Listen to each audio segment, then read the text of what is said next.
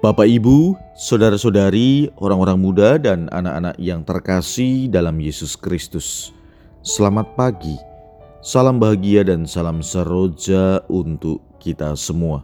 Berkah dalam Bersama dengan saya, Romo Antonius Garbito Pambuaji menyampaikan salam dan berkat Allah yang Maha Kuasa dalam nama Bapa dan Putra dan Roh Kudus. Amin. Hari ini Jumat 8 April dalam hari biasa Pekan Prapaskah kelima. Bacaan pertama dalam liturgi hari ini diambil dari kitab Yeremia bab 20 ayat 10 sampai dengan 13. Bacaan Injil diambil dari Injil Yohanes bab 10 ayat 31 sampai dengan 42. Sekali peristiwa, orang-orang Yahudi mau melempari Yesus dengan batu, tetapi kata Yesus kepada mereka, "Banyak pekerjaan baik yang berasal dari Bapakku kuperlihatkan kepadamu. Manakah di antaranya yang menyebabkan kamu mau melempari aku dengan batu?" Jawab orang-orang Yahudi itu, "Bukan karena suatu pekerjaan baik maka kami mau melempari engkau, melainkan karena engkau menghujat Allah dan karena engkau menyamakan dirimu dengan Allah, meskipun engkau hanya seorang manusia. Kata Yesus kepada mereka, Tidakkah ada tertulis dalam kitab Tauratmu, Aku telah berfirman, kamu adalah Allah? Padahal kitab suci tidak dapat dibatalkan. Maka, jikalau mereka kepada siapa firman itu disampaikan disebut Allah, Masihkah kamu berkata kepada dia yang dikuduskan oleh Bapa dan yang telah diutusnya ke dalam dunia, engkau menghujat Allah? Karena aku telah berkata, aku anak Allah. Jikalau aku tidak melakukan pekerjaan-pekerjaan Bapakku, janganlah kamu percaya kepadaku. Tetapi jikalau aku melakukannya dan kamu tidak mau percaya kepadaku, percayalah akan pekerjaan-pekerjaan itu supaya kamu boleh mengetahui dan mengerti bahwa Bapa ada dalam aku dan aku di dalam Bapa. Sekali lagi mereka mencoba menangkap Yesus tetapi ia luput dari tangan mereka. Kemudian Yesus pergi lagi ke seberang Jordan ke tempat Yohanes dulu membaptis orang lalu ia tinggal di situ. Banyak orang datang kepadanya dan berkata, Yohanes memang tidak membuat satu tanda pun tetapi semua yang pernah dikatakan Yohanes tentang orang ini adalah benar, dan banyak orang di situ percaya kepadanya. Demikianlah sabda Tuhan.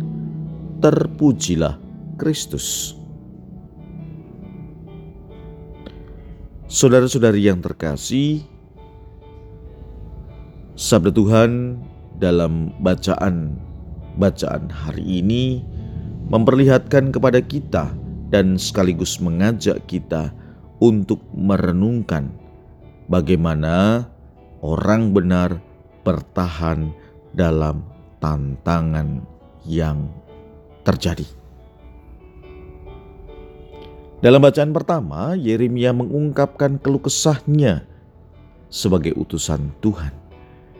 Ia sendiri mendengar ancaman, tantangan dari orang-orang dekatnya ia juga merasa diintai oleh para sahabatnya untuk menemukan kelemahan-kelemahan yang dimilikinya di hadapan Tuhan dan sesama. Apa yang membuat Yeremia bertahan dalam situasi tersebut? Yeremia tetap percaya dan yakin bahwa Tuhan akan tetap menyertainya.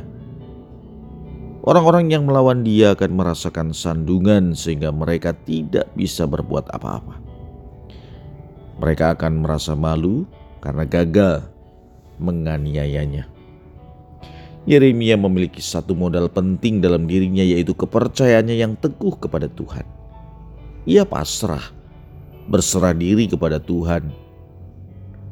Modal iman, harapan dan kasih hanya kepada Tuhan dan sesama. Ini yang dimiliki oleh Yeremia. Oleh karena itu, ia tidak gentar menghadapi semua ancaman yang sedang berada di dekatnya. Ia mulai belajar untuk tahu bersyukur dan berterima kasih kepada Tuhan dalam segala situasi hidupnya.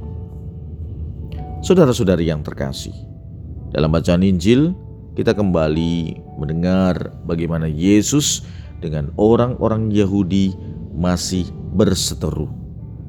Rupa-rupanya ada kesalahpahaman di antara orang Yahudi dalam menangkap pengajaran atau pernyataan Yesus. Bagi para lawannya, pernyataan itu berarti Yesus menyamakan dirinya dengan Allah. Yesus berbicara tentang fungsi atau peran, namun mereka berpikir tentang esensi atau hakikat. Seperti biasa, kesalahpahaman menjadi kesempatan bagi Yesus untuk memperdalam pengajarannya tentang diri dan misinya. Saudara-saudari yang terkasih, bagaimana kita memahami dan merenungkan sabda Tuhan hari ini?